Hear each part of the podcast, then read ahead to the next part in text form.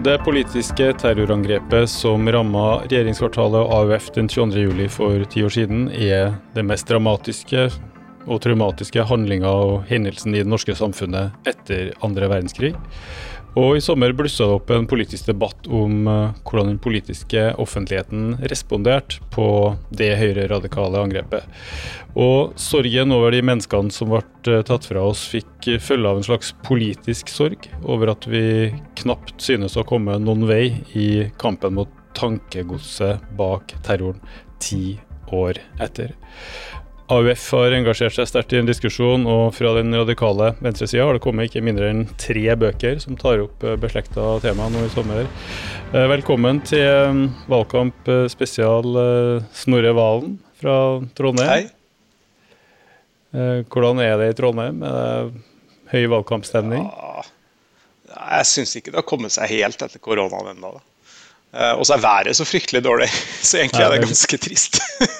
ja. det er en trist valgkamp i Trøndelag.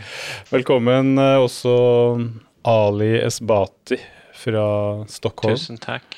Fint å få være med. Har dere, har dere regjeringskrise ennå, eller det, har det roa seg? Nei, det er stendig eh, in the making, men uh, vi får se hvordan det, det, blir. Regn hadde vi litt i natt, men nå er det litt solig igjen. Ja, her i Oslo er som alltid sol, og det er mye snakk om uh, valget. Men vi skal skue litt tilbake til den debatten som var i sommer, og se hva lærte vi av tiårsdebatten. Men også framover mot stortingsvalget og en eventuelt ny regjering. Uh, er det noe politiske partier, venstresida, kan gjøre i kampen mot uh, tankegodset, som det nå jeg ser ut til å være en ganske bred enighet om at man ikke har kommet så langt uh, i. Uh, og så har vi jo de her tre bøkene som vi skal snakke litt om, og debatten om det som jeg kaller de hvites likegyldighet. Et uh, tema som begynner å komme opp nå i forbindelse med oppgjøret rundt 22.07. og det tankegodset.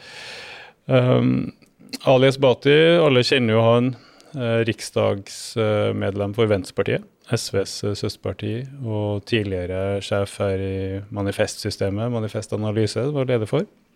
Snorre Valen har vært nestleder i SV, og en markant debattredaktør oppe i Trøndelag nå. Eh, ut av partipolitikken, i hvert fall midlertidig. Boka di, Snorre, 'Utøya-kortet'. Hva var det som fikk deg til å gå i gang med den, egentlig? Um, to ting. Jeg kjenner jo, i likhet med dere og veldig mange andre, mange av AUF-erne som, som ble direkte ramma sjøl uh, den 22. juli. Um, og blant dem så er det en sånn bitterhet, uh, og det hadde vært hele veien. Um, helt siden, siden, høsten 2011 over hvordan den politiske debatten ble i ettertid. Um, det ble aldri vanlig å snakke om 22.07 i politisk sammenheng det ble veldig fort en mistenkeliggjøring av Arbeiderpartiet, som etter hvert pipla til overflaten i form av ord som nettopp 22. juli-kortet og Utøya-kortet. Og det leda i sin tur igjen til at jeg tror det for mange, inkludert AUF og Arbeiderpartiet sjøl, ble vanskeligere å snakke om den trusselen som, som ytre høyre og, og de nye kontrajihadistiske konspirasjonsteoriene egentlig utgjør. Da. Så ironisk nok og det sier jo også tidligere AUF-leder Eskil Pedersen i boka rett ut. Ironisk nok så ble det på en måte vanskeligere å snakke om de her politiske problemstillingene etter den politiske terrorhandlinga 22.07. var. Og um, tenkte vel ganske enkelt at uh, i år var året for å prøve å sette ord på det. Så det jeg har prøvd å gjøre, er både å kanalisere noe av det mange AUF-ere sjøl har kjent på, Eh, og analysere litt hva har det innebært politisk. Altså, kan vi se en sammenheng mellom hvordan vi har snakka om 22.07. i offentligheten, og utviklinga på norsk ytre høyre, da, og samspillet mellom den vanlige, normale mainstream politiske debatten og, og de mer ytterliggående miljøene. Jeg husker jo sjøl jeg var på et uh, seminar i Fritt Ord-sammenheng uh, der de skulle undersøke ytringsfriheten i Norge. og Da var det Frank Rossavik som var styremedlem og som også kommentator i Aftenposten. Jeg husker han var veldig opptatt av at man måtte undersøke hva som har skjedd med ytringsfriheten til innvandringskritikere etter 22.07-aksjonen. Og det her var jo det her ganske tidlig, på en måte. Det er jo det har gått mange år siden da. Og jeg husker da, Min reaksjon var jo da at jeg sa at ja, én ting er å undersøke ytringsfriheten til dem som ikke ble ramma av politisk terror, men skal vi også undersøke ytringsfriheten til dem som ble ramma av politisk terror? Og da ble det kanskje litt sånn skuldertrekk. Folk syns kanskje jeg hadde et slags poeng, men, men vi ser jo nå, med den debatten du har dratt opp, Snorre, at det var veldig annerledes enn det den borgerlige offentligheten trodde.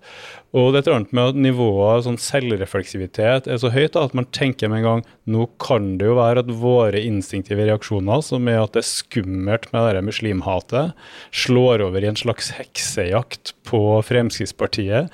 Så for å forebygge det i det liberale demokratiets navn, så skal vi da gjøre det stikk motsatte. Eh, er det sånn det har vært? Eh, ja.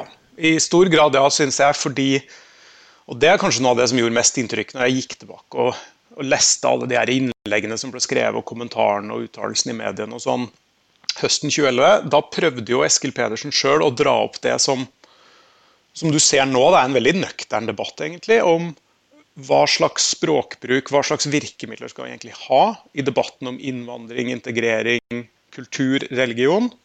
Der han kom med en del advarsler som de aller fleste egentlig burde kunne slutte seg til.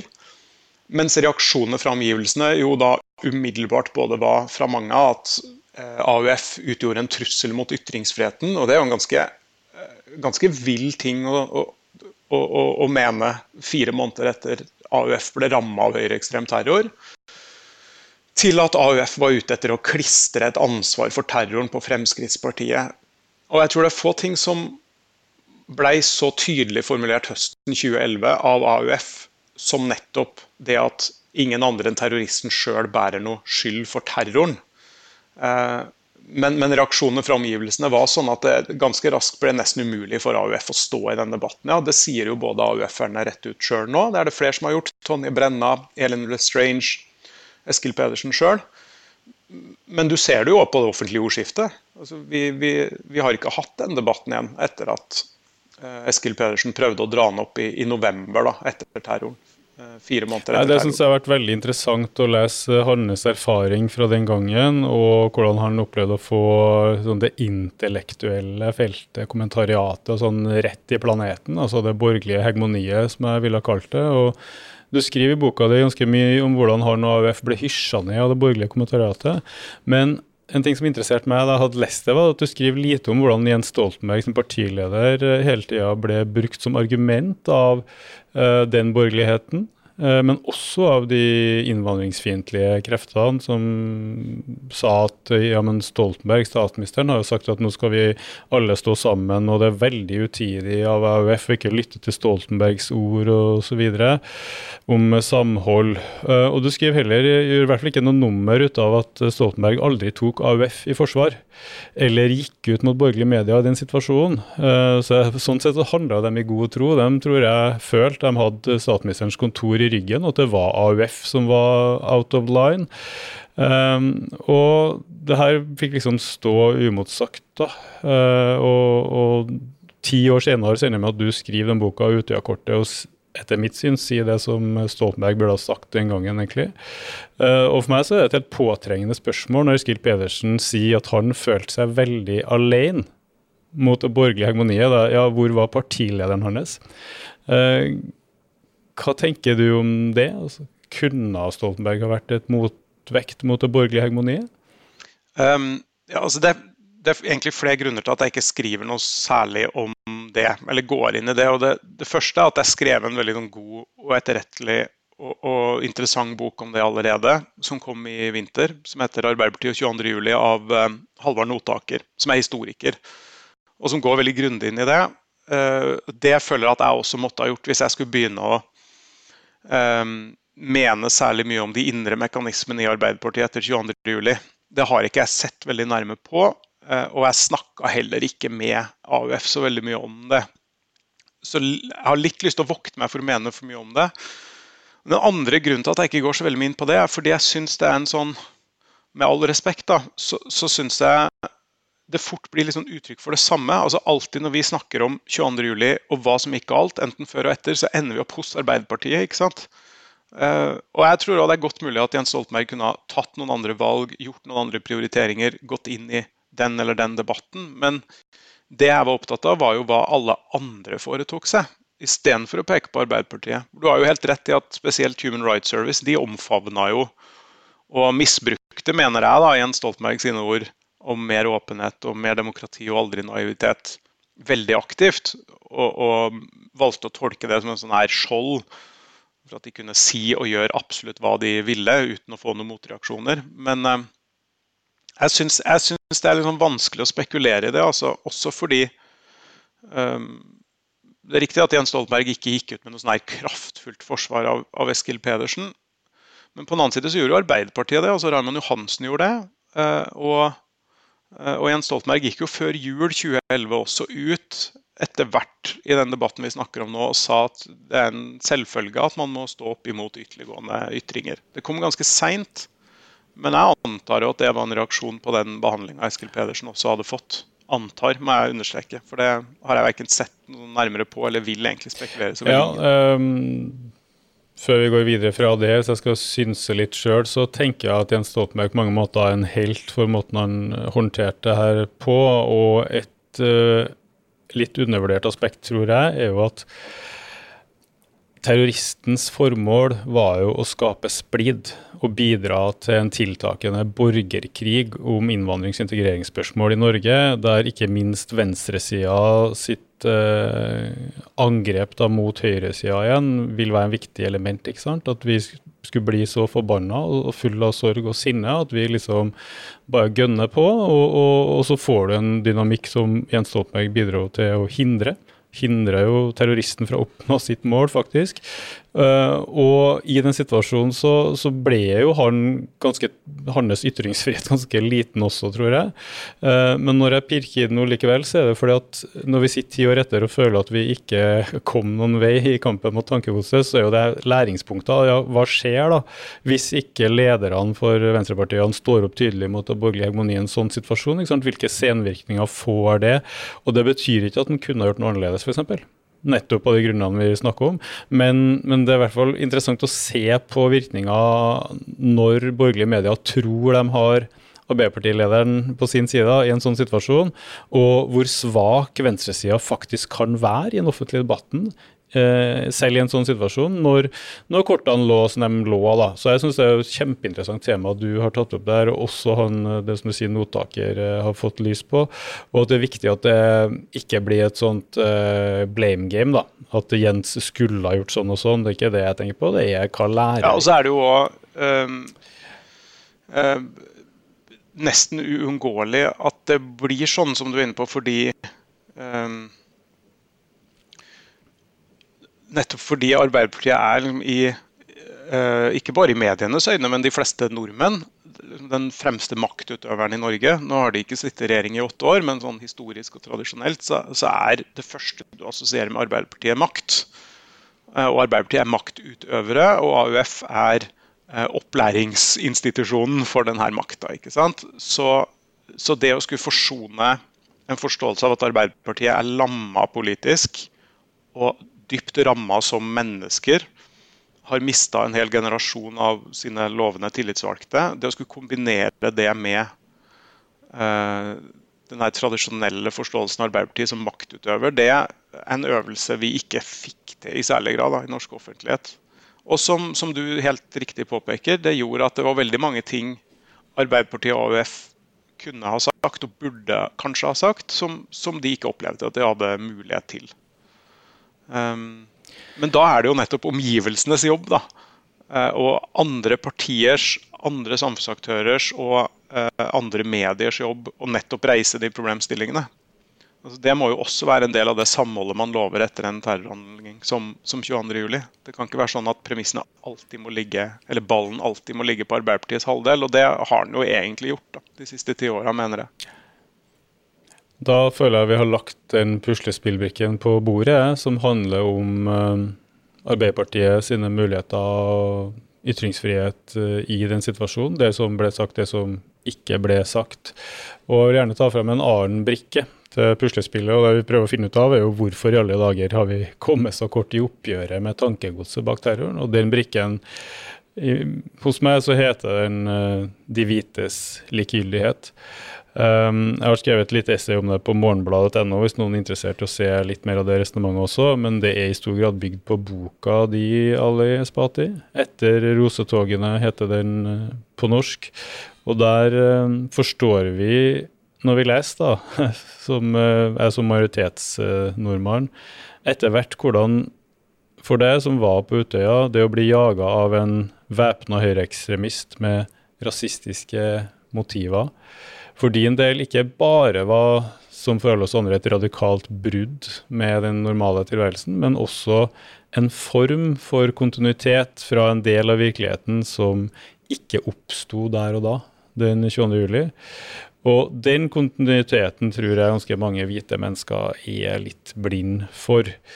Um, kanskje også vi på den politiske venstresida, og det kommer vi tilbake til. Men uh, Først litt om den historien som også står i boka. Hvordan kom du og familien Esbati egentlig til mhm. Sverige? Ja, eh, jeg bare først börja med at det är intressant eh, den inledningen som, som du har. För att när jag själv tänkte att jag skulle skriva boken eh, ganska kort efter det som jag var med om på, på Utøya så, så var det här inte ett element som själv som jag tänkte skulle vara med i, i boken. Utan det är först när jag liksom återvände till materialet eh, och skulle skriva boken nu eh, till tioårsmarkeringen som det på något sätt blev, eh, det kom naturligt, det fanns där inne, att jag liksom jag kände att det var eh, den här kontinuiteten fanns där. Eh, och, och, och vi kom ju då till Sverige 1900 86. Ehm, jag kom eh, med min eh, mamma och min lillebror. Och eh, vi fick då uppehållstillstånd i, i Sverige, man kan säga av humanitära skäl. Under det var krigen ja, mellom Irak och ditt hemland Iran? Iran-Irak-kriget pågick. Det var det avgörande skälet till att vi eh, fick uppehållstillstånd och att eh, då kom, kom min pappa också eh, till, till Sverige. Och eh, som jag skriver i, i, i, boken också så var det ju, det var ju en slags liksom, omedelbar, eh, omedelbar kärleksrelation med, med Sverige. Jag tyckte att det var så eh, fantastiskt på många sätt och, och, och kände mig eh, väldigt eh, nära och hemma närmast omedelbart, även om det alltid fanns en, en känsla av att det, det, finns rasism, det finns rasister. Men det som var avgörande då var ju att man kände att de var inte det som definierade det svenska samhället. Det var de var, de fanns, eh, de kunde vara hotfulla, de kunde vara farliga, men de var eh, inte centrum eller kärnan eller definierande eh, av, eh, av det som var liksom samhällseliten eller samfunnsdebatten. Eh, det var någonting som liksom blev eh, den här känslan av, av trygghet och eh, blev ju satt under viss prov då i början på 90-talet när när eh, det var eh, en, eh, en viss våg av främlingsfientlighet i Sverige. Vi fick ett, för första gången ett, ett högerpopulistiskt parti som kom in i riksdagen, kallades Ny Demokrati, blev invalda 91. Och i samma veva, så i samma tidsperiod så var det ju eh, dels var det en del liksom, angrepp mot flyktingförläggningar eh, och så var det då en man som började skjuta på folk där det blev eh, tydligt att eh, den liksom, gemensamma nämnaren var att folk ja, såg ut som mig och såg ut som eh, mina föräldrar. Den mannen kom att kallas för Lasermannen eh, eftersom... Ja, det här är ju, du har varit kanske fem år i mm. Sverige cirka, och vel tenåring, og, oppleve lasermannens uh, skrekkvelde i Stockholm. Folk ser jo lasersiktet, da, den røde prikken. Uh, mennesker blir skutt. En iransk uh, student med iransk bakgrunn ble drept, så vidt jeg husker. Og han snubben sier da at han liker Ny Demokrati fordi det høyrepopulistiske partiet sier rett ut at utlendingene skal ut av landet. Og Ny Demokrati kom inn med 25 stykker i Riksdagen den høsten. Eh, så går det en del år, og så får vi Peter Mangs i Malmö. Der plutselig det er skyting, dreping på gata i den store byen, og politiet du skriver litt om det, om, om etterforskinga. Eh, hvordan var det? Ja, det eh, Mathias Gardell, eh, en svensk forsker som også var ekspertvittne i Breivik-rättegången, har jo skrevet en bok om, eh, om det, der han viser eh, veldig tydelig at eh, dels at denne mannen selv räknade med kalkylerade med att det skulle bli så. Att eh, polisen eh, inte omedelbart skulle tänka att det här var en, kunde vara en, en högerextrem eh, terrorist som, som gjorde detta utan att man först började leta efter spår att det kunde vara liksom gängkriminalitet, klaner, folk som var involverade i, i eh, kriminalitet, organiserad brottslighet av något slag, fastän det inte fanns några sådana indikationer. Eller eh, äresdrap, selvsagt. Ja, precis. precis. Eh, men han är ju också en person som då efteråt, när han då blev eh, gripen, och, är väldigt tydlig med att det var Jeg mener, jag menar, hans politiska agerande var ett sätt att förverkliga någonting, några idéer som ändå fanns där ute men som eh, liksom ingen vågade göra handling av. Då. Och det är ju någonting som är genomgående egentligen när man tittar på eh, den typen av lone wolf eh, högerextrem terrorism. Att det är personer som inte är organiserade tillsammans med andra i klassisk mening men som definitivt är en del av en, eh, av en eh, så att säga, intellektuell och mental organisation så att säga, där man uppfattar att man då själv har ett ansvar för att eh, genomföra någonting som det finns många där ute som, som tenker borde skje. Ja, De ideene vi snakker om her, er jo en slags Eh, selvforsvar, eh, borgerkrig mot eh, invasjonen av ikke-vestlige, som er et veldig interessant begrep.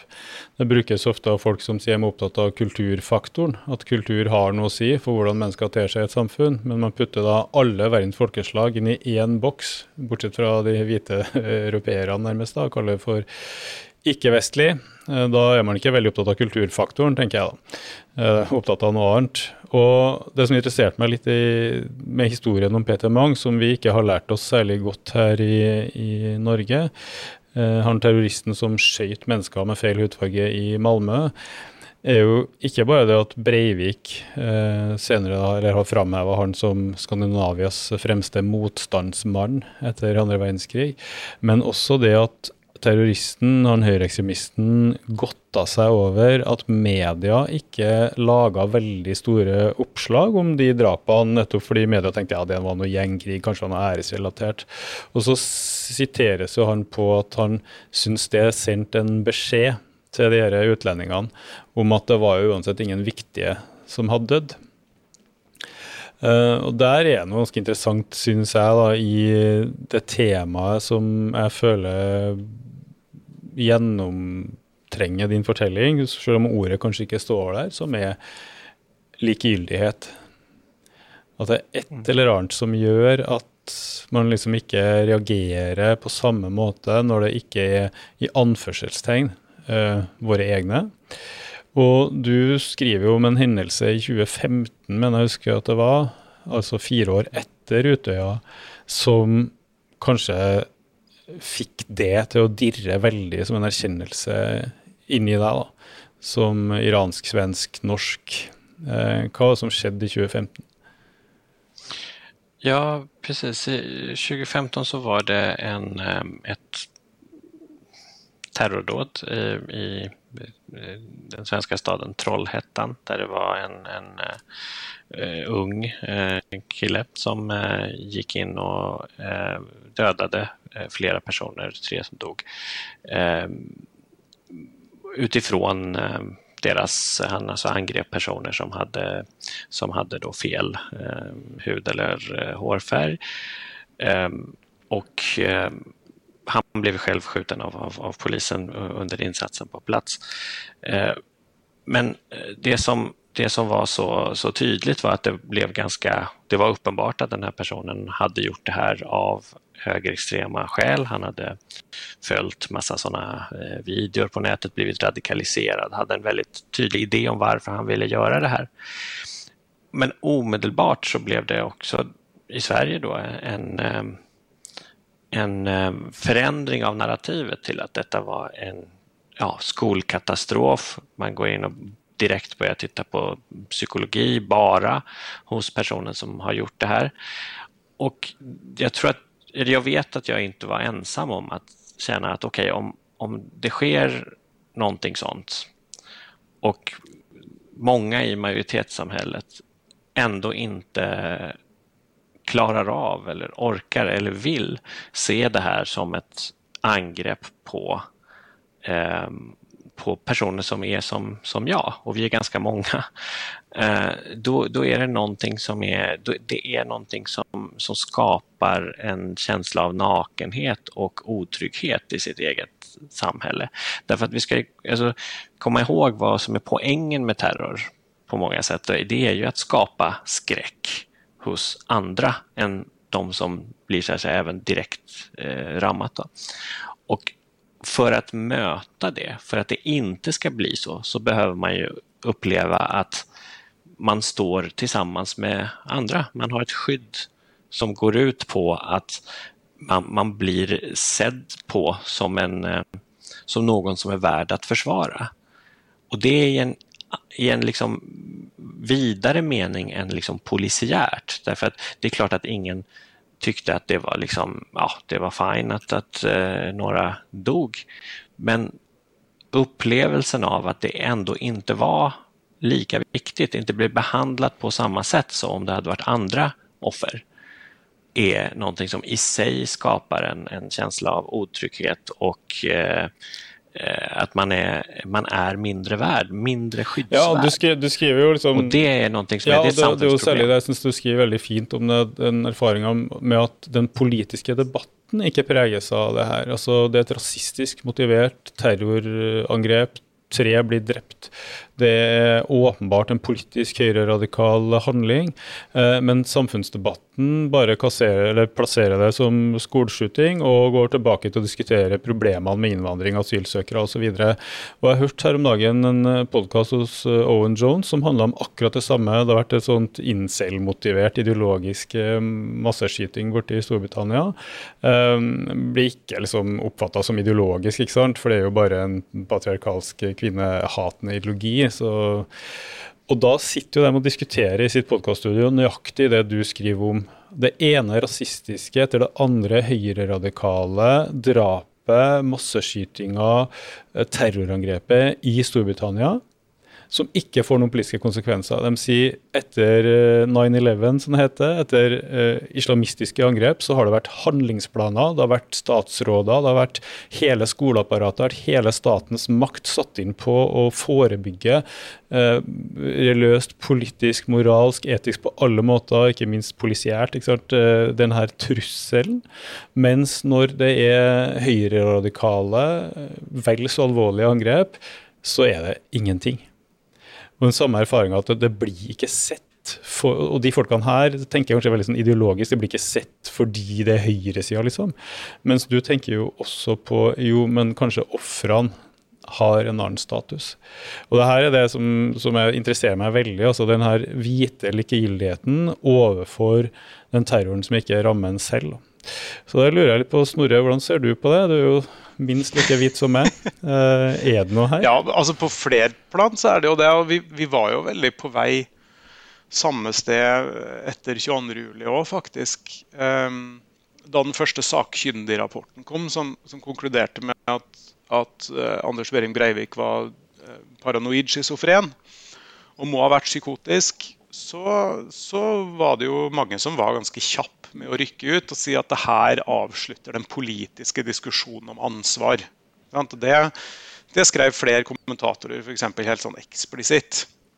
Og noen klarte heller ikke å dy seg helt for å slå den litt sånn syrligheter da, på bekostning av ja, bl.a. AUF-ere som hadde påpekt at 22.07 var en, en, politisk handling. Og En ting som er interessant sett ti år i ettertid ved det, er jo at hele offentligheten, meg sjøl inkludert, oss alle, egentlig gikk med på et premiss som var at enten så er en terrorhandling en politisk motivert handling som du må ta på alvor og forstå politisk, eller så skyldes det psykiatri. Altså En sånn helt sånn gjensidig utelukkende fortelling, som om en terrorhandling ikke kan ha et politisk opphav eller politiske implikasjoner, sjøl om gjerningspersonen er psykisk syk. Eh, så ikke bare syns jeg det var viktig at man fikk eh, en debatt om tilregneligheten til gjerningspersonen. og jeg tror jo det var viktig at retten landa der den gjorde i ettertid. Men det som plager meg litt med det, er at, eh, at 22.07. er da en like politisk handling og, og, fikk da like alvorlige politiske konsekvenser uavhengig av, av den psykiske helsa til gjerningspersonen. Eh, jeg tror veldig mange tyranner, despoter, voldsutøvere og terrorister opp gjennom historien ikke er rett skrudd sammen. Men det er jo ikke det som er fellesnevneren. Jeg tror det er veldig mange som deltar i høyreekstreme nettverk, eller i islamistiske terrornettverk for den saks skyld, som har en grusom oppvekst bak seg eller alvorlige psykiske problemer.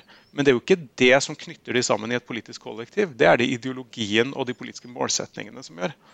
Um, og at den effekten blir sterkere når, når ofrene for en terrorhandling, en høyreekstrem terrorhandling, uh, er ikke-vestlige. da som, som det kalles, så, så, blir bare den effekten sterkere. Og en, nå skal ikke jeg overdrive fellesnevnerne her, men de er jo der fordi du også i Norge har endt opp med en situasjon der off, mange av ofrene for terrorhandlinga sjøl har følt at det de ble utsatt for, ikke har blitt forstått som det det egentlig var. Uh, og Det gir både en følelse av utrygghet, kombinert med en reell utrygghet som følger av all den hetsen mange av terrorofrene har mottatt i ettertid, og, mistenkeliggjøring. Eh, Ali, du skriver jo at den selektive stillheten, som du kaller det, etter den uh, skoleskytinga i 2015, eh, var som et høylytt faresignal for deg. Også en ganske sterk eh, formulering, som er at du skriver at du lærer hvordan menneskeverdet i praksis alltid er sosialt bestemt. Altså det ligger også i de andres blikk. Og at det for folk som meg, skriver du, har blitt devaluert raskt eh, i mitt eget samfunn. Og det her er jo en veldig, veldig sterk setning etter mitt syn, og veldig interessant bidrag i, i skandinavisk eh, samfunnsdebatt. Fordi det her handler ikke om høyreekstremistene. Det handler ikke om terroristene. Det handler om majoriteten.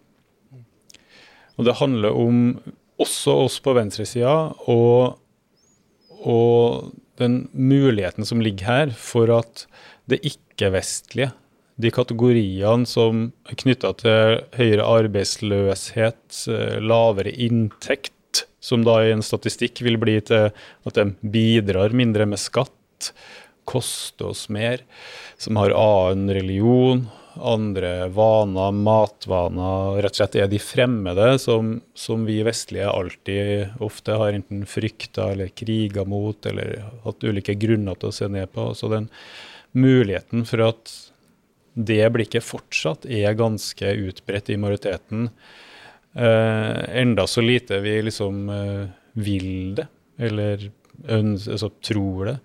Uh, og det her syns jeg er ganske interessant å dra inn på venstresida, altså. Uh, ikke for å lage en moralistisk diskusjon om at den ene eller andre er rasist, for det syns jeg det er veldig sånn barnslig. Men fordi det er en så alvorlig situasjon Dels pga. situasjonen for dere som er minoriteter på ulike måter, og, og dermed kan oppleve en devaluering av, av menneskeverdige, som du kaller det. Men også for venstresida sitt prosjekt, som er å bygge enhet, samhold, solidaritet, felles eh, kamp rundt felles interesser osv. Så, videre. så får du altså den her etniske um, delinga. Eh, så det, Derfor er jeg veldig engasjert i egentlig begge de bøkene her. For de handler om eh, hva som skjer med venstresida i, i Skandinavia. Da. Og da vil jeg gjerne at vi vender oss til Danmark, altså, den danske regjeringa. Fordi responsen på 22.07. og den paniske debatten rundt de ikke-vestlige som samfunnstrussel, som 22. juli også var et uttrykk for, ble jo i det danske sosialdemokratiet at de begynte å gå til valg allerede i 2015 på at de skulle gjøre alt som sto i deres makt for å begrense ikke-vestlig innvandring. Uh, og de har jo en statsminister i Mette Fredriksen i, i sosialdemokratiet nå, som gjør veldig mye bra i retorikken. og snakker mye om arbeidsfolk og ulikhet og sånn, men som også har utropt ikke-vestlig innvandring til Danmarks største utfordring. Ikke klimakrisa, ikke finanskapitalens økende makt, men innvandring av flyktninger og andre fra andre og fattigere land. En minoritet som utgjør 8% av Danmarks befolkning er den største utfordring som lederen for sosialdemokratiet klarer å få øye på når hun skuer utover dagens Danmark. Um, ja, Ali, hva, hva, tenker du om akkurat det der, da du liksom ble oppmerksom på at hun sier det? Hvordan reagerte du på det? Nei, men det, det er klart at det er jo eh, Det er veldig svårt å se en progressiv framtid og en, en fungerende liksom, eh, for för en, en eh, i arbetarrörelsen baserad politik som, eh, som gör på det sättet, som har det som liksom i, bärande idé. Eh, och, och, det är ju av, av flera skäl, men, men dels är det ju så att om man, om man har det som eh, som projekt, eh, som ett diskursivt projekt, hur man beskriver samhället, så kommer ju det att påverka, eh, påverka hela eh, liksom, dynamiken i det, i det, politiska, eh, i, i, det politiska samtalet på ett sådant sätt som i, i grunden så gynnar eh, ganska reaktionära intressen då, oavsett vilken typ av liksom, partipolitisk stämpel som det får för tillfället. Eh, men det är ju också någonting som man får tänka på, du var ju lite inne på det, om det är så att vi ska ha ett solidaritetsprojekt och det tror jag är liksom vi kommer inte runt det, att solidariteten är den bärande eh, motorn i varje progressivt, brett samhällsförändrande projekt. Säg att vi har gemensam kamp för gemensamma intressen. Då kan du inte ha en del av befolkningen som redan från början är stämplade som att de ska liksom inte vara med eller acceptera att få sitta vid barnbordet. Eller liksom så. Det, det, eh, och i Danmarks fall närmast då var, måste vara okej okay med att ständigt bli eh, eh utmålade som, eh, som eh, de som egentligen har en skuld i detta. Och jag tror det här är, det här är väldigt viktigt att förstå att när man, när man från liksom politiskt ledande håll kommer med den typen av uttalanden, ofta riktade också mot folk som ännu inte har kommit, alltså man säger att vi ska inte ha några, några fler flyktingar därför att de ställer till med problem. Då är ju inte det någonting som primärt påverkar de människor som inte har kommit än och då ska få svårt att komma. Utan det påverkar primärt de som redan är där. Därför att man ju implicit eller explicit säger att det är för många av er. Och då måste jag som då är där tänka så här, är det jag som är för mycket? Eller är det min granne? Är det min mamma som är för mycket? Var skulle man ha dragit gränsen? Eh, det är inte, det är inte en fungerande grund för för eh, sammanhållning. Och det är någonting som verkligen eroderar det som också måste vara kärnan i, i de välfärdsprojekt som vi, eh, som vi med rätta ska vara stolta över och vilja utveckla. Hur det, har man ett liksom, er, socialförsäkringssystem om, om, ja, om men man det som har er, den synen? Og det jeg også blir så gal av, er jo at mange av de folkene her har jo selvsagt LO-jobber, arbeiderklassejobber. Det er jo liksom så typisk arbeiderklasse. Mange de innvandrerbydelene, de folkene, de yrkene, de blir arbeidsløse først. Det er liksom nøyaktig de folkene arbeiderbevegelsen i sin tid først og fremst da, skulle løfte. ikke sant? Som ikke var så trygge i arbeidsmarkedet, og som trenger solidariteten og samholdet og kampen for å bedre sin situasjon.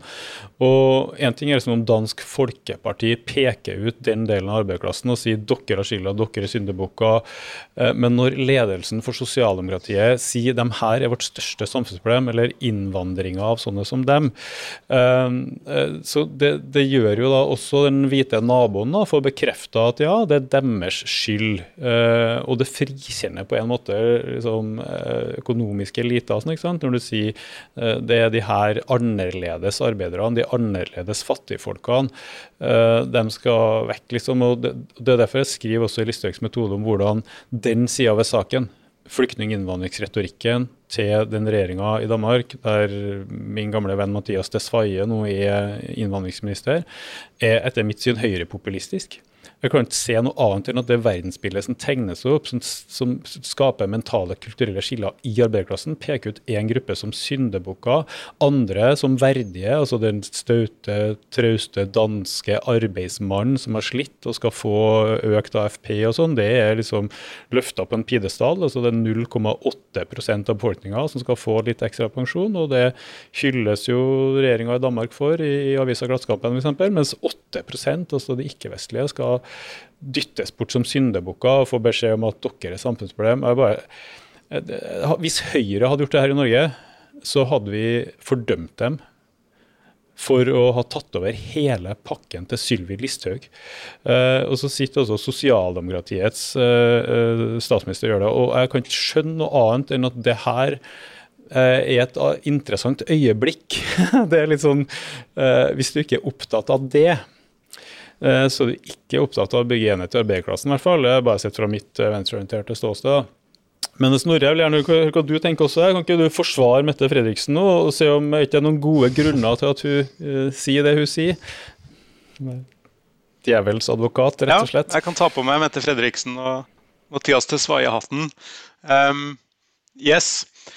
Jeg var på landsmøtet til SF i 2012 eh, ni år siden. Da var Mathias Tesfaye kandidat til nestledervervet i SF. Eh, han tapte det på landsmøtet. og Det er vel ikke så veldig lenge etter det at han gikk til Sosialdemokratiet SVs, SVs søsterparti, Sosialistisk Folkeparti. Ja. ja. Stemmer. Eh, og han gikk jo da etter hvert over til Arbeiderpartiets søsterparti, Sosialdemokratene og da, den, den Hans politiske utvikling er jo litt sånn illustrerende for utviklinga også i sosialdemokratiet i Danmark. Og det starta jo mens han var i SF.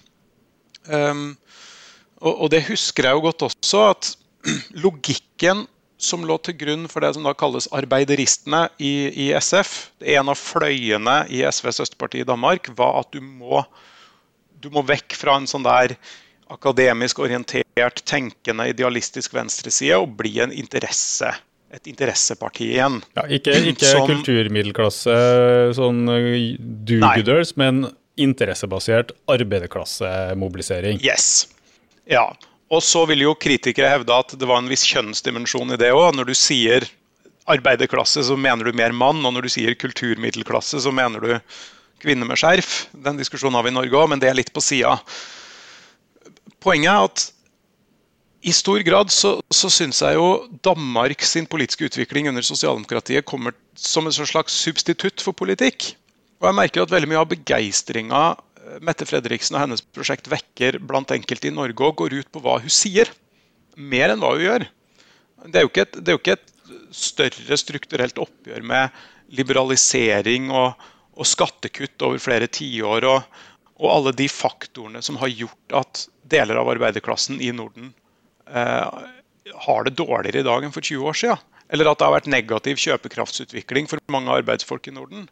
Men det er retorikken. Og, og da, for å ta på meg Mette Fredriksen-hatten og være litt djevelens advokat, så har jo hun helt rett i at mange dansker er opptatt av innvandring. Mange dansker ser at innvandring fører med seg problemstillinger som kanskje ellers ikke ville vært der. Knytta til eh, kulturelle konflikter, eh, eh, problemer med å bli kjent og forholde seg til hverandre. Den danske dugnadsånden som er nedarva over generasjoner, og som man ikke nødvendigvis forstår like godt om man er som, som Ali og kommer rett fra Iran. Og det må vi kunne snakke ærlig om. Og Hvis ikke vi, sosialdemokratene, snakker ærlig om det, så må jo vi bare overlate scenen til Dansk Folkeparti, som tvert imot misbruker de her problemstillingene for å, for å deise gjennom høyrepolitikk. Og Det er nå tross alt bedre at vi på venstresida tar de debattene på alvor, tar folks bekymring på alvor og svarer på de bekymringene, enn at vi overleverer et helt politikkfelt som er viktig for veldig mange til, til høyresida. Uh, hvis jeg skal være litt mer Mette Fredriksen nå, så, så ville jeg vel sagt at det er jo ikke opp til partiene å bestemme hva arbeidere som stemmer på dem, er opptatt av. Altså hvis, uh, hvis, danske arbeidere og arbeidsfolk mener at, at innvandring er en av grunnene til at det er et mer utrygt arbeidsmarked i dag enn for 10-20 år siden f.eks., ja, da må vi ta tak i det. Uh, så, så, hele diskusjonen vi har her i podkasten, er fra det perspektivet en ganske sånn her teoretisk øvelse. Fordi den opplevde virkeligheten til mange stemmer overens med det Mette Fredriksen sier. og det er ja, derfor vi liker Jeg kunne ikke vært mer enig i det første argumentet som Mette hadde her. At det uh, fins åpenbart, uh, og det hadde også Mathias Tesfaye alltid rett i, en masse selvfornøyde øvre middelklassefolk som sitter i kritthvite nabolag og bydeler med sin grønne te og sånn rosenrøde drømmer om et velfungerende, uh, fargerikt fellesskap på andre sida av byen, ja. Og som stemple enhver majoritetsnordmann som har opplevd negative ting knytta til innvandring og integrering, som, som blodrasist, og som er såre fornøyd med å sitte her på sin høye hest. Og det her liksom har bidratt til at man ikke kunne snakke om reelle utfordringer, som også Mathias dessverre påpeker ofte diskuteres mye i innvandrertette bydeler. ikke sant? Det sosiale problemer de gjerne vil ha løst. Og det er helt riktig at det må venstresida kunne diskutere, også hvis du da får slengt ordet rasist etter det. Det er helt greit, vi må diskutere likevel. Uh, og det her er jo det noen ønsketenker og tror at Mette Fredriksen Eriksens regjering gjør, men det er jo ikke det de gjør. Fordi det er stor forskjell på å anerkjenne at ja, selvsagt er det utfordringer knytta til sosial ulikhet, eh, kulturmøter og integrering og sånn, skulle bare mangle på den ene sida, og på den andre sida peke ut ikke-vestlig innvandring som det største problemet i vår tid. For det siste der, da har du gått over til høyrepopulistene. ikke sant? Og det, i politikken da, så er jo alt den praten om at de ikke skal ha sentralisering og det skal ha mindre forskjeller, og det er veldig bra som du sier, retorikken, og det er jo noen tiltak også, uten at vi trenger å gå gjennom danske liksom, budsjettsituasjonen her. Men handlekrafta mot flyktningene er jo noe helt annet. Det er det eneste landet i Europa som hiver ut syrere Altså Regimet i Syria er jo sånn at de vil ikke ha kontakt med Assad i hele tatt, for det er så grusomt. Men de internerer små barn, internerer mødre og bestemødre, setter dem på internat der 70% av ungene får psykiske lidelser. ikke sant? Fordi de skal statuere et eksempel og hive ut syrerne tilbake til borgerkrigen. Det er til høyre for Viktor Urban. Jeg vet ikke om han har en eneste syrer. Uh, og det som interesserer meg litt, er at det her er ikke noen nyheter i Klassekampen. Altså det, det, er møtt med et skuldertrekk. Uh, jeg oppfatter at den likegyldigheten overfor at det her er sosialdemokratiets retorikk da, i vårt naboland, at det er sosialdemokratiets politikk å hive ut folk til borgerkrigen i Syria, likegyldigheten overfor det står i en kontinuitet på en måte med det som Ali skriver om i sin bok, altså at uh, angrep på mennesker som ikke er som oss, uh, møtes med likegyldighet. En helt annen type likegyldighet enn når vi rammer sjøl, majoriteten. Jeg tror det er i slekt med den norske majoritetslikegyldigheten overfor jødene i mellomkrigstida. Ja, det var ikke at vi ønska dem noe vondt, men vi reagerte ikke så sterkt heller. For vi, det, vi regner dem ikke helt som oss, tror jeg. Og sånn er det med sånn islamofobidiskusjon også. ikke sant? At det er liksom hele tida noen, noen andre, liksom. Du, du kommer ikke helt nært på. Uh, og det der interesserer meg veldig som sånn strategisk problem for uh, arbeiderbevegelsen og venstresida, som Ali også var inne på. At Hva slags solidaritet kan vi bygge? Hvordan kan vi bekjempe høyresidas, høyrepopulistenes verdensbilde? Splittende verdensbilde eh, hvis vi overtar det. Det var jo en sånn radikale venstrepolitiker i Europaparlamentet som markerte 22.07. i år, tiårsjubileet, med å spørre Det her er jo koalisjonspartner, da, på en måte har sittet i regjering med sosialdemokratene og sånn, ikke sant, og spurt hvordan reagerte sosialdemokratiet i Danmark på hetsen mot flyktninger og liksom kampen mot de ikke-vestlige? Var det ved å bekjempe de ideene, eller ved å absorbere dem? Og det ble jo møtt uh, fra sosialdemokratiske blodhundene med som fordømmelse. ikke sant? Det du sier er helt uh, grusomt, og sånn kan du ikke snakke. og Det er veldig sånn harde tak. da. Men jeg mener hun har et poeng. Uh, kan man bekjempe det fremmedfiendtlige tankegodset gjennom å liksom overta det for å vise at man tar det på alvor? Det, det har ikke jeg noe tro på. Hva tenker du, Ali? Det er jo virkelig så. Altså, Eh, det ligger veldig mye i det som, det som du utvikler her. Derfor at, jeg tenker dels at det er åpenbart at om man f.eks. då beter sig på det sättet som, som Danmark gör i, i just flyktingfrågan så, så är det helt omöjligt, ens om man skulle vilja det, att isolera det från vad som händer i samhället i övrigt. Alltså om det är folk som desperat försöker komma in och har väldigt goda skäl till det och du aktivt eh, och demonstrativt stänger dörren i ansiktet på dem. Då är det helt naivt att tro att det inte påverkar dig. Att du liksom sen går tilbake og er liksom en solidarisk og, og, og god og glad sosialdemokrat. Det kommer ikke å være så i virkeligheten. Ja, på, på ja. hvilken måte da? Altså, det, for jeg forstår det riktig at den handlinga den sender en beskjed om at vi ikke bygger vårt samfunn på solidaritet, samme hva som står ja, i festtalene? Det det, det det påverkar, om du så att säga, har behøvd å bygge opp en, en retorik rundt det som sier at nu har vi har ingenting å gjøre med de her människorna. Därför att vi kan ikke på noe sett identifiera oss med, med dem fastän de liksom söker skydd.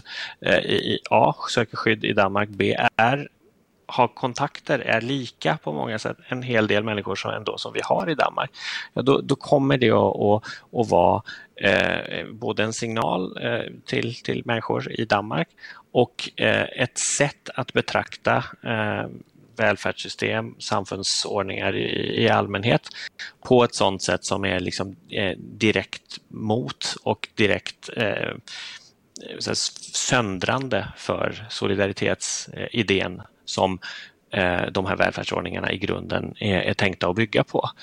Och det där ser man ju i praktiken väldigt tydligt också i, i land efter land att om man vill angripa generella eh, välfärdsordningar så kan det vara väldigt bra att börja med att säga titta här på de här som ser tydligt annorlunda ut.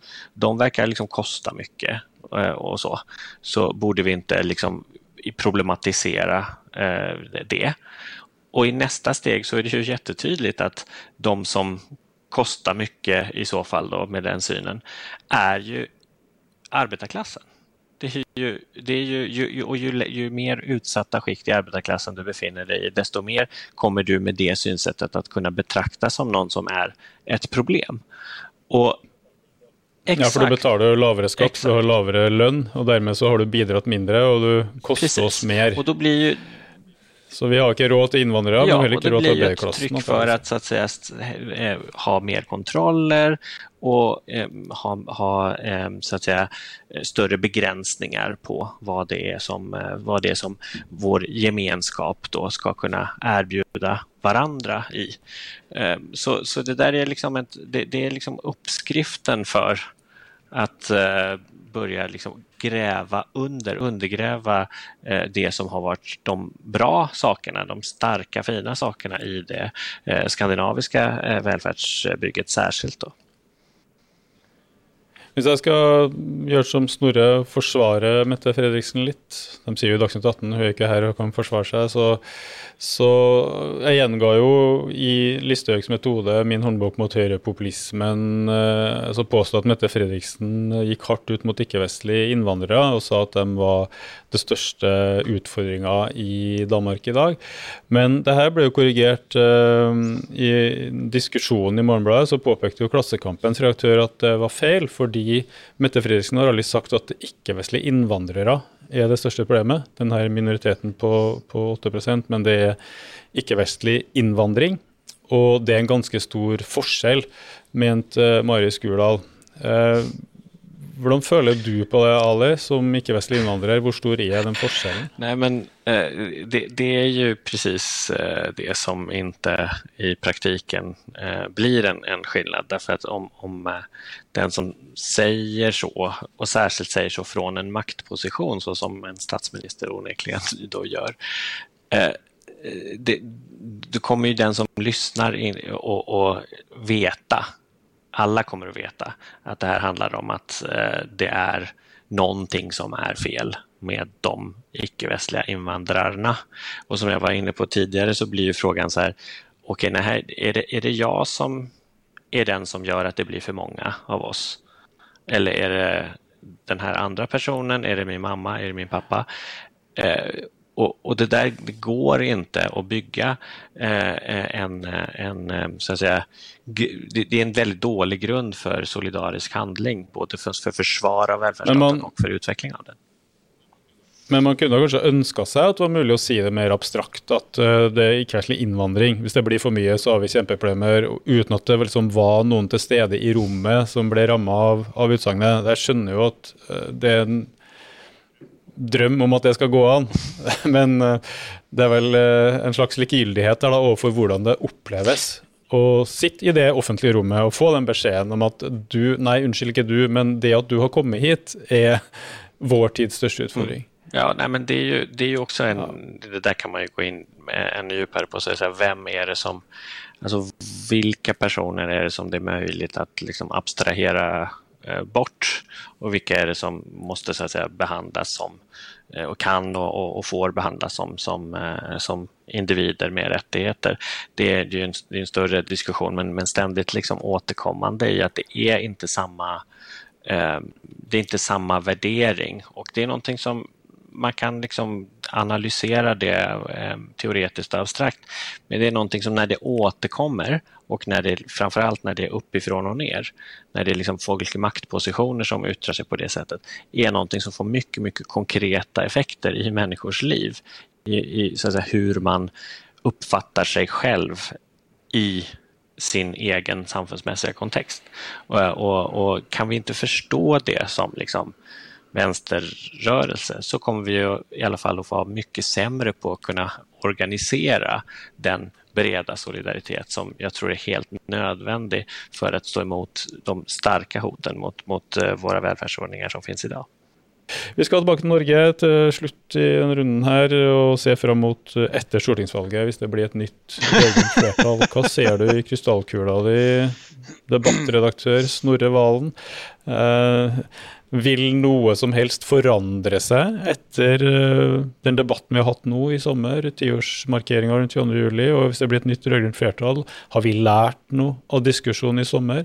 Går det an å gjøre noe fra ny regjering, bortsett fra selvsagt å fjerne den statsstøtten til Human Rights Service, som jeg eh, antar at Erna Solberg stryker i sitt Det er dårligst av alt på å spå ting, eh, altså.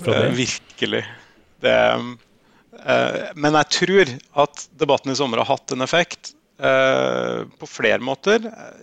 Først og fremst så, så tror jeg debatten i sommer har bidratt til at en hel eh, generasjon med, med Arbeiderpartifolk som var AUF-er i 2011, føler seg friere til å både snakke fritt om politikk, men også forme sitt parti i det bildet de ønsker å utvikle det. Og Det tror jeg er fryktelig viktig. Eh, vi har sett på Utøya-generasjonen som ofre i, i ti år. Eh, og så har vi glemt at veldig mye av sosialdemokratiets historie er å, eh, å reise seg fra veldig veldig vanskelige, krevende og smertefulle erfaringer og gjøre noe med det også politisk. Gerhardsen kom fra konsentrasjonsleir under krigen og, og, og bidro til å bygge velferdsstaten Norge etterpå. Det kan høres litt sånn svulstig ut, men jeg ser litt på Utøya-generasjonen i AUF Arbeiderpartiet litt på samme måte. Da. De kommer til å gjøre mer ut av seg og forme mer av politikken. Og så tror jeg, enn så lenge det er korona og pandemi osv., så, videre, så så er det jo veldig sånn tydelig at spesielt Fremskrittspartiet sliter veldig med å mobilisere på innvandring som kampsak. Det var jo ikke evig. Eh, og Det betyr tilbakekomsten av mange av de debattene som har definert den norske samfunnsdebatten i ja, mer enn 20 år. Eh, etter hvert som verdenssituasjonen fører til at flere mennesker vil søke tilflukt i Norden. Eh, og etter hvert som det blir mulig å komme hit for å søke beskyttelse. Eh, og jeg er ærlig talt ikke sikker på at den debatten vil fortone seg så veldig annerledes enn den gjorde f.eks. under flyktningkrisa i 2015.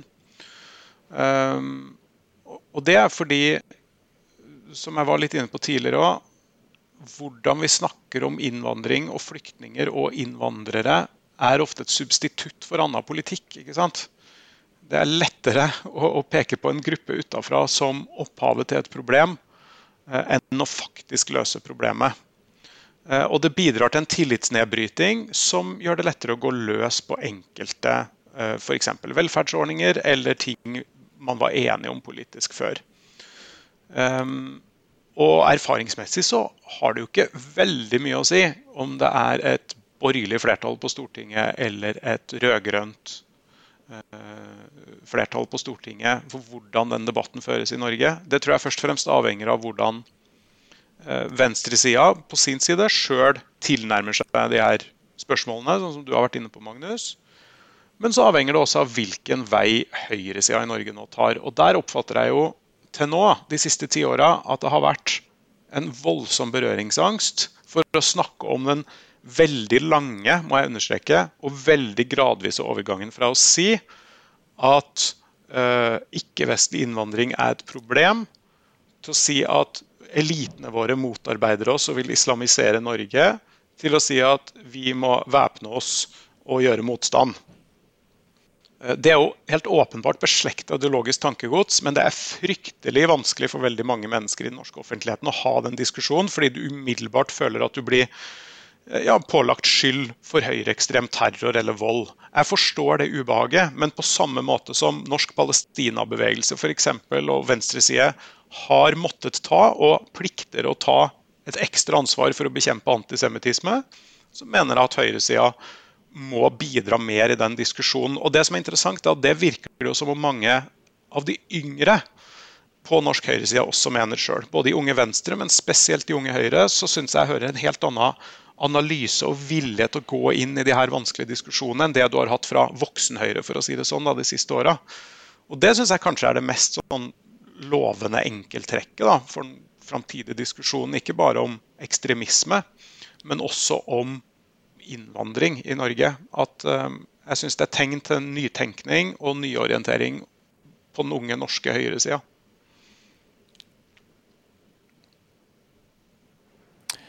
Til slutt, Ali, hvis vi konser litt på det vi kan kalle for integreringsdebatten. Eh, der høyresida liker å komme med ord som utenforskap og peker på bydeler med høy arbeidsløshet, sosiale problemer. Mette Fredriksen i Danmark sier jo at der bor det jo eh, mange ikke-vestlige som dessverre ikke bidrar med stort. Det er hennes vri på det. Eh, men du har jo vært opptatt av det her alltid. Du kommer jo fra en sånn bydel i Stockholm eh, sjøl.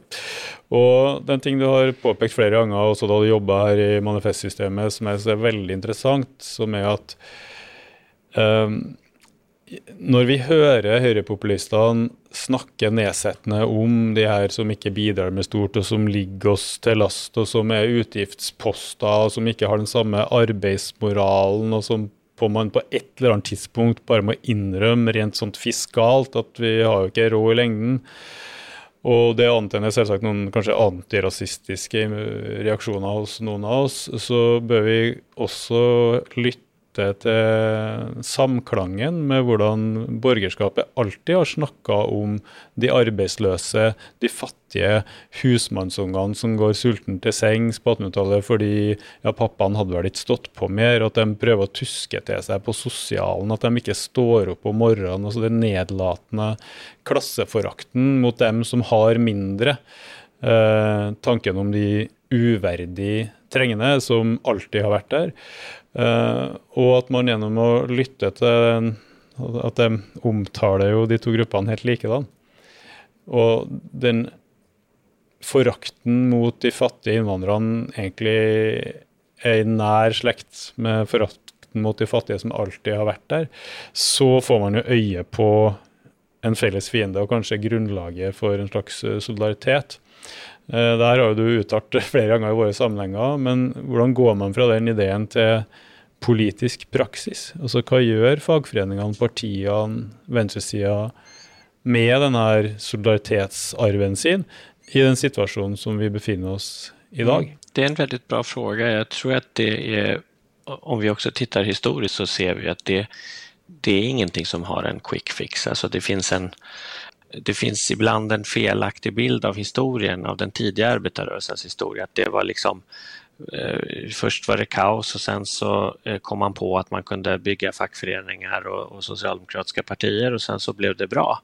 Eh, det var ju inte så utan det var ju väldigt, väldigt svåra organiseringsprocesser som just byggde på att alltså svårigheterna kom sig också av att folk levde olika liv, hade fördomar mot varandra, massvis med liksom, eh, problem som man behövde vada igenom för att bygga den organiseringen.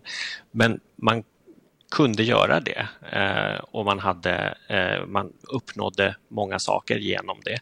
det. Det är där man behöver eh, börja. Man behöver eh, veta att det blir ett stort problem för hela eh, arbetarklassen i mycket bred bemärkelse om det finns människor som jobbar under extremt dåliga villkor, om det finns människor som blir desperata i sitt vardagsliv för att ingen samfunnsservice funkar där de finns, för att de inte har en, en trygghet i, eh, i sin ekonomi eller i sin, sitt bostadsområde.